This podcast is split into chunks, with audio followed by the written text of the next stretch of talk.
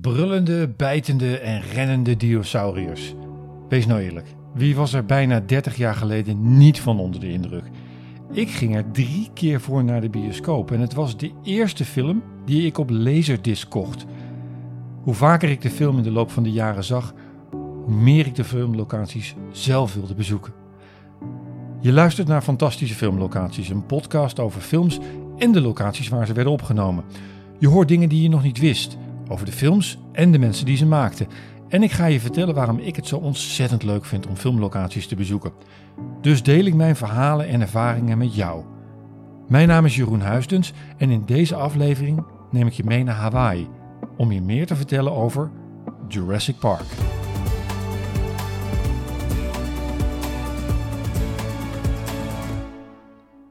Jurassic World Dominion komt binnenkort uit in de bioscoop. En na bijna 30 jaar en 6 films komt er dan een einde aan een serie. Maar wees niet getreurd, want Universal Pictures gaat vast nog een hele nieuwe draai geven aan deze filmfranchise. In Dominion keren in ieder geval de bekende helden uit de eerste film Jurassic Park terug. Een mooie reden om het in deze aflevering eens lekker uitgebreid te hebben over Steven Spielberg's filmklassieker uit 1993. Jurassic Park werd voor een groot deel opgenomen op Hawaii. Er zijn allerlei locaties uit de film die je nog steeds kunt bezoeken. Maar jammer genoeg zijn er ook plekken waar je niet kunt komen. Dat zijn particuliere stukken grond waar ze pottenkijkers niet op prijs stellen. Toch wil ik die locaties wel even met je doornemen, zodat je weet waar het is als je de film nog een keer terugkijkt. Of als je toch een keer een bezoek wil plannen. Laat ik eens even beginnen bij het bezoekerscentrum. Dat werd speciaal voor de film gebouwd. Dat gebeurde op het terrein van de Valley House Plantation Estate op het eiland Kauai. Daar is tegenwoordig niets meer van te zien en je kunt het helaas ook niet bezoeken. Dat geldt ook voor de prachtige plek waarin we de eerste levende dino zien. Dat stuk werd gefilmd op de Jurassic Kahili Ranch, een veeboerderij aan de noordkant van Kauai. Verder dan een toegangshek kom je niet, kan ik je uit eigen ervaring vertellen. Maar zelfs als je daarvoor staat, is het landschap erachter werkelijk een plaatje. Het is jammer dat er geen tours worden gegeven, want het lijkt mij echt geweldig om daar onder die hoge bomen te kunnen staan en dan het beroemdste citaat uit de film te kunnen horen. Dr. Grant, my dear Dr. Sattler, welcome to Jurassic Park. Een plek uit de film waar je wel naartoe kunt is Lumahuli Garden. Dat is een prachtige botanische tuin die aan de noordkant van Kauai ligt. Het is de locatie waar ze het Raptor Hawk bouwden. Je weet wel, waar ze die koe in laten zakken. En dan heb je ook nog Ellerton Garden. Dat is een tuin aan de zuidkant van het eiland waar Alan Grant de eierschalen vindt tussen de boomwortels. Ook dat park is te bezoeken en er worden tours gegeven. Maar je moet er als volwassene wel 60 dollar per persoon voor neerleggen. En dan is er nog die ene plek waar je gewoon aan voorbij rijdt als je niet weet dat het in de film werd gebruikt.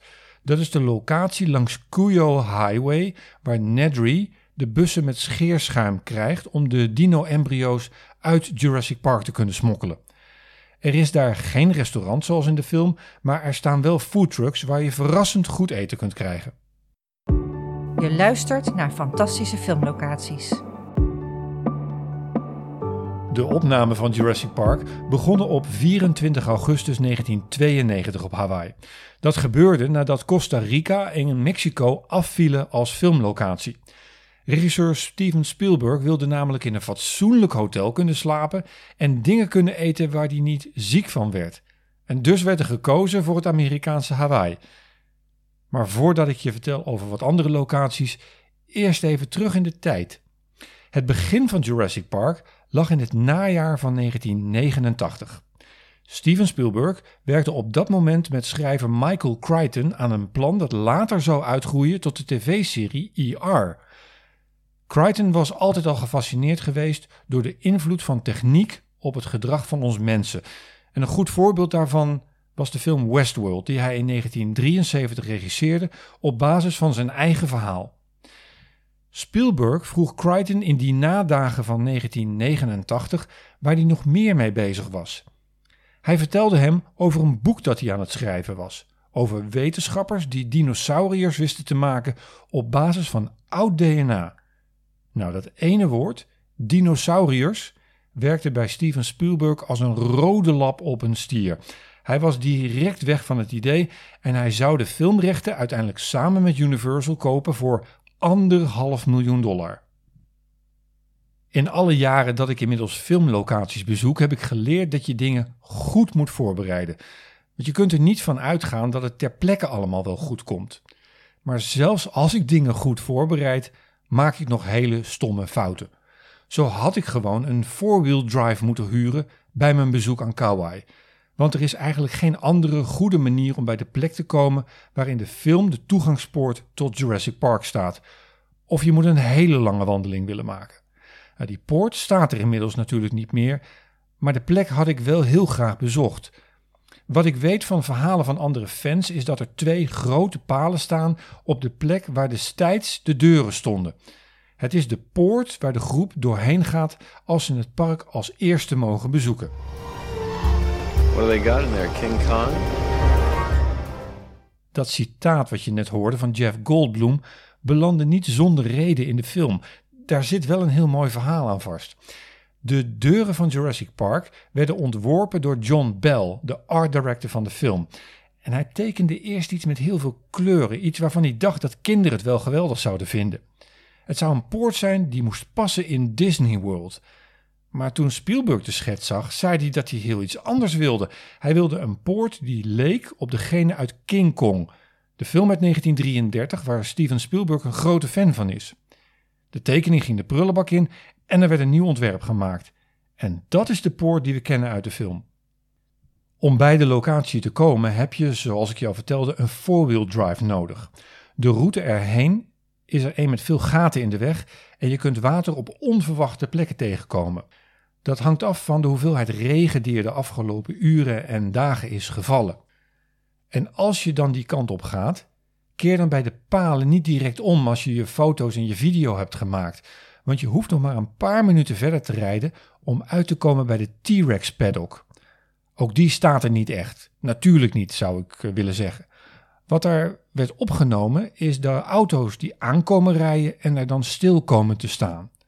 Het hele avontuur dat dan volgt, met de storm en de T-Rex die de geit opvreet, uit zijn hok breekt, de kinderen lastig valt en uiteindelijk de advocaat van de wc-pot rukt, dat werd allemaal gefilmd in een studio in Los Angeles. Maar het begin ervan werd dus opgenomen in de tropische binnenlanden van Kauai. Eén extra achtergrondverhaal bij die scène wil ik je toch echt even vertellen, want ik vind het zo exemplarisch voor de creativiteit van filmmakers. Je kent vast wel het beeld van het glaasje water op het dashboard van de auto. Het glaasje waarin we aan de kringen zien dat er iets dichterbij komt. Steven Spielberg was om een dag in zijn auto onderweg toen hij muziek van Earth, Wind and Fire aan had staan. Hij had de muziek zo hard aanstaan dat zijn achteruitkijkspiegel begon te trillen, alsof er iets op de grond stampte. En hij vond dat zo'n cool effect dat hij zijn team vroeg iets te maken waarmee de T-Rex kon worden aangekondigd zonder dat we hem te zien kregen. Michael Lancheri, een van de effectenmannen, probeerde van alles, maar het lukte hem niet om het voor elkaar te krijgen. Totdat hij de dag voor de opname thuis een glas water op zijn gitaar zette en kreeg wat hij zocht. Hij nam gitaarsnaren mee naar de set en bracht er eentje aan in de auto. Hij haalde zijn vinger eroverheen en zo kwamen de ringen in het water tot stand. Wil je meer weten? Blijf dan luisteren naar fantastische filmlocaties. Steven Spielberg wilde van meet af aan levensechte dinosauriërs in zijn film. En daarom huurde hij Stan Winston in, de briljante man achter de wezers in Predator en Aliens en de robots in de Terminator-films. Winston en zijn team moesten animatronics maken waar het publiek direct in zou geloven. Er werkten negen man 16 weken lang aan een levensechte T-Rex waar ze zelfs het dak van de studio voor moesten verhogen. En waarvoor ze drie ton klei gebruikten. En dat was dus maar voor die ene dino, hè? Ze wisten dat ze hulp nodig hadden. En omdat de dino's ook moesten rennen, werd Phil Tippett erbij gehaald. Hij was de man die de grote machines in The Empire Strikes Back en Robocop met stop-motion techniek in beweging had gekregen. Allemaal prachtig, maar ondertussen werd er door een team van het bedrijf ILM ook nog eens gewerkt aan computeranimaties. Niet zozeer om Tippett en Winston een hak te zetten of zo, maar om uit te proberen wat er mogelijk was. Een naam die in dat verband genoemd moet worden is die van Steve Williams. Hij werkte in het geheim aan een computeranimatie van bewegende dino's. En hij zette die expres op zijn computerscherm toen producent Kathleen Kennedy op een dag in de studio op visite kwam. Toen zij die animatie zag, was ze echt even van slag. Zo baanbrekend was het. En ze gaf hem direct de opdracht om nog wat verder te gaan. En toen dat resultaat korte tijd later aan Spielberg en Kennedy werd vertoond, was het duidelijk. Jurassic Park zou qua techniek voor een aardverschuiving gaan zorgen. Toen ik in 2018 naar Hawaii ging, waren er twee dingen waarvan ik wist dat ik ze van tevoren moest regelen. Ten eerste een helikoptervlucht en ten tweede een bezoek aan Kualoa Ranch op het eiland Oahu. Kualoa wordt ook wel de achtertuin van Hollywood genoemd. Het is een 4000 hectare groot landgoed van de familie Morgan en zij beheren het al zes generaties. De ranch wordt gebruikt voor landbouw en veeteelt, maar ook om toeristen te vermaken. Je kunt er op een paard of met een mountainbike of in een bus doorheen om te genieten van de fantastische omgeving. Maar er zijn ook verschillende filmtours. Want vanwege de verschillende gezichten wordt Kualoa vaak gebruikt door filmstudio's. Pearl Harbor, Godzilla, Jumanji Welcome to the Jungle, de tv-serie Lost en Jurassic Park. En dat zijn echt maar een paar van de producties. Enkele maanden voor het vertrek stuurde ik een e-mail naar Kualoa Ranch dat ik een reis naar Hawaii ging maken, dat ik Kualoa graag wilde bezoeken en dat ik er een artikel over wilde gaan schrijven. En ik vroeg of er iemand tijdens een tour wat extra de tijd voor me wilde nemen om een paar mooie filmverhalen te vertellen. En wauw, ik kreeg een e-mail terug. En dan vrij snel ook. En daarin stond dat David me op 1 augustus om half elf zou opwachten bij de entree van de ranch en dat zijn tour 2,5 uur zou duren. Ik was echt in alle staat. Ik was zo ongelooflijk blij. David Morgan, jawel, een van de eigenaren, ontving me en nam uiteindelijk zes uur de tijd voor me. In zijn four-wheel drive liet hij werkelijk alles zien wat een filmliefhebber zich maar kan wensen. Van de neergestorte helikopter en de reuzenskeletten uit Kong Skull Island, die er nog steeds liggen, tot de verschillende setpieces van Jurassic World, die er ook nog steeds zijn. Want dat is de deal die David met de filmstudio's maakt: dat de spullen gewoon blijven liggen als hij dat wil. Op die manier hebben David en zijn medewerkers, de bijna 800 bezoekers van het park, elke dag tenminste wat te tonen en te vertellen. Ik kan eigenlijk, nu ik het me zo bedenk, wel een hele aflevering vol praten over Kualoa Ranch. Het is echt een van de leukste en de mooiste filmlocaties die ik in al die jaren heb bezocht. En misschien kom ik er in een latere aflevering nog wel een keer op terug. Maar we moeten even terug naar Jurassic Park. Kualoa Ranch stond eerst helemaal niet op het lijstje met filmlocaties. Alles stond namelijk gepland voor het eiland Kauai. Inclusief die ene scène waarin Alan Grant en de kinderen op de vlucht moeten slaan. Uniform direction changes, just like a flock of birds evading a predator. They're, uh. They're flocking this way. Die scène dus. Nou, ook dat zou worden gedraaid op Kauai, op Kipu Ranch om precies te zijn. En ook dat is een particulier landgoed waar je allerlei tours kunt boeken en waar ook heel veel films werden opgenomen. Maar het was orkaan Iniki die al die plannen overboord gooide. Op 11 september 1992 raasde die orkaan over Kauai en de verwoesting was echt enorm. De filmset aan stukken en de cast en crew die geen kant meer op konden. Gelukkig bleek producent Kathleen Kennedy de redder in nood. Ze wist een privévlucht te regelen, zodat het team alsnog Kauai kon verlaten. En ze belde daarvoor met ene Fred Sorensen. Hij was de piloot die ze had leren kennen tijdens de opnames van Raiders of the Lost Ark. Sorensen is namelijk de piloot die Indiana Jones in die film aan het begin van de film helpt ontsnappen. Misschien weet je dat nog wel, met die slang in zijn vliegtuig. Die man. Omdat Steven Spielberg nog altijd de scène moest opnemen met Alan Grant en de kinderen, weken ze uit naar Kualoa Ranch op Oahu. De boomstam waar ze zich in de film achter verschuilen, heeft nog heel lang in het park gelegen. Maar hij is inmiddels vervangen door een andere. En geen toerist die dat erg vindt, want het naspelen van de scène, dat doen ze toch wel. En nog altijd met heel veel plezier, zo kan ik je vertellen.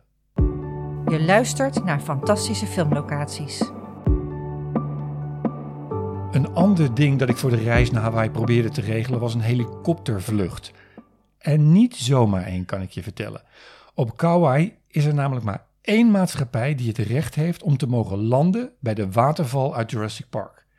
Er zijn wel allerlei verschillende helikoptermaatschappijen, maar die vliegen er alleen overheen of langs.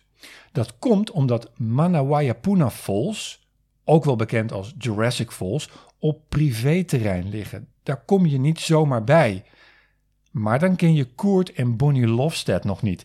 Zij zijn de eigenaren van Island Helicopters.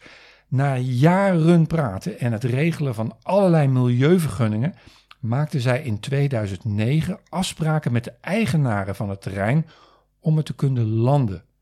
Een voordeel daarbij was dat de Lofstetters en die familie Robinson elkaar eigenlijk al kenden, want Kurt Lofstedt was jaren eerder door het team van Jurassic Park gevraagd om een waanzinnige locatie voor te stellen waar ze de helikopter in de film zouden kunnen laten landen. En weet je wat hij toen zei? I'll show you awesome. Hij vloog die groep direct naar de waterval. En toen ze die waterval zagen, toen waren ze verkocht.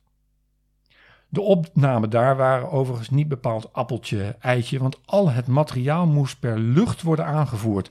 Dat vertelde de piloot me op onze vluchten naartoe.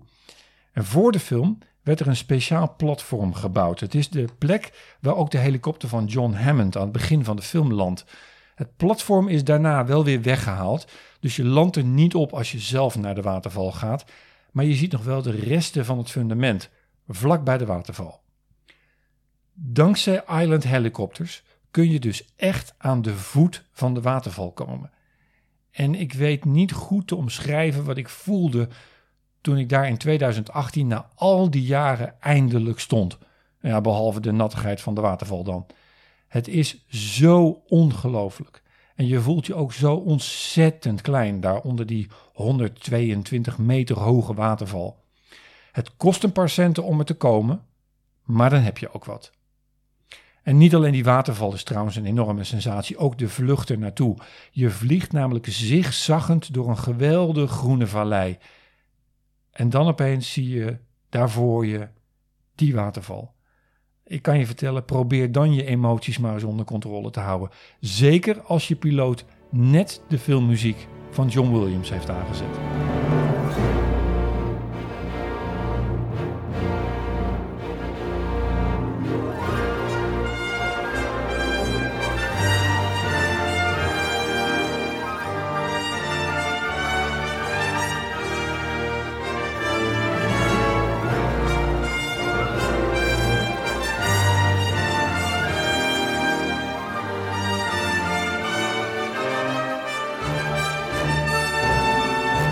Jurassic Park ging op 9 juni 1993 in de Amerikaanse bioscopen draaien.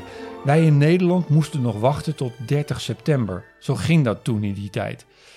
Jurassic Park was wel overal een enorme hit, vanaf dag 1. Internationaal haalde de film meer dan 1 miljard dollar op. Niet gek voor een film die ondanks de baanbrekende technieken slechts 65 miljoen dollar kostte om te maken. Met die opbrengst van 1 miljard werd Jurassic Park de film met de hoogste omzet ooit. Een record dat zou blijven staan tot 1997, toen de film Titanic uitkwam. Jurassic Park won in 1994 drie Oscars. Die waren allemaal voor het geluid en de beste effecten. Componist John Williams kreeg geen nominatie voor de filmmuziek.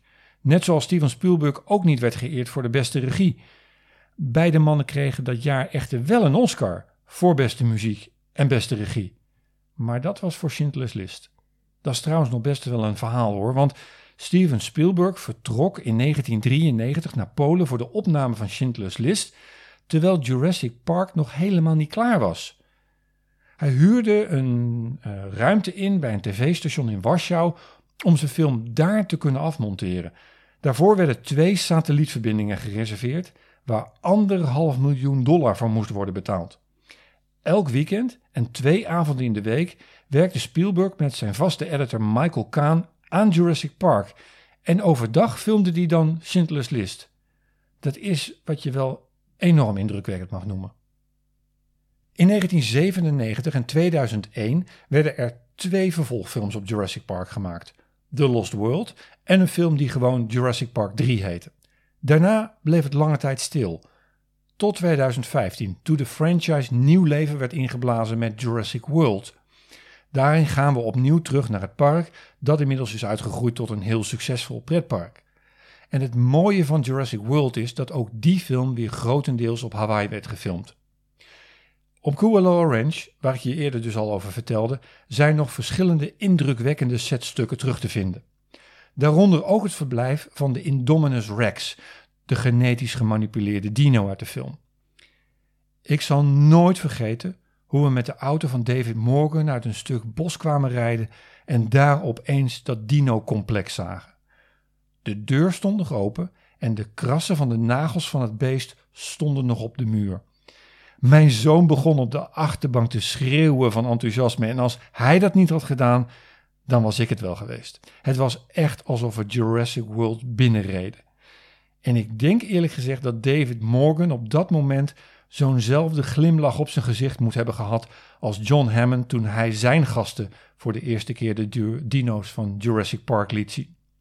Mocht je ooit naar Hawaii gaan, mocht je ooit zoveel geld bij elkaar verzamelen, ga dan naar het eiland Oahu en sla Kualoa Ranch niet over. Boek er de dure filmtour en je hebt een herinnering die je nooit gaat vergeten. Dat kan ik je verzekeren. Nou, dat was het weer voor deze keer. Je luisterde naar fantastische filmlocaties. Deze aflevering werd gemaakt door Jeroen Huisdens. De muziek is van Alex Sawoska. Speciale dank gaat uit naar David Morgan van de Kualoa Ranch. Naar John Baxter voor zijn biografie over Steven Spielberg. De makers van Jurassic Park, The Making of en de Netflix-serie The Movies That Made Us. Een overzicht van de filmlocaties met hele handige GPS-gegevens vind je op de website seenit.com. Op Spotify heb ik een playlist gemaakt met muziek uit deze hele serie en die vind je onder fantastische filmlocaties. Wil je voortaan geen aflevering missen? Abonneer je dan op deze podcast. Dat kan bij Apple Podcast, Spotify of SoundCloud. Ik hoor weer heel graag wat je ervan vindt, dus laat vooral een recensie achter. Tot de volgende keer.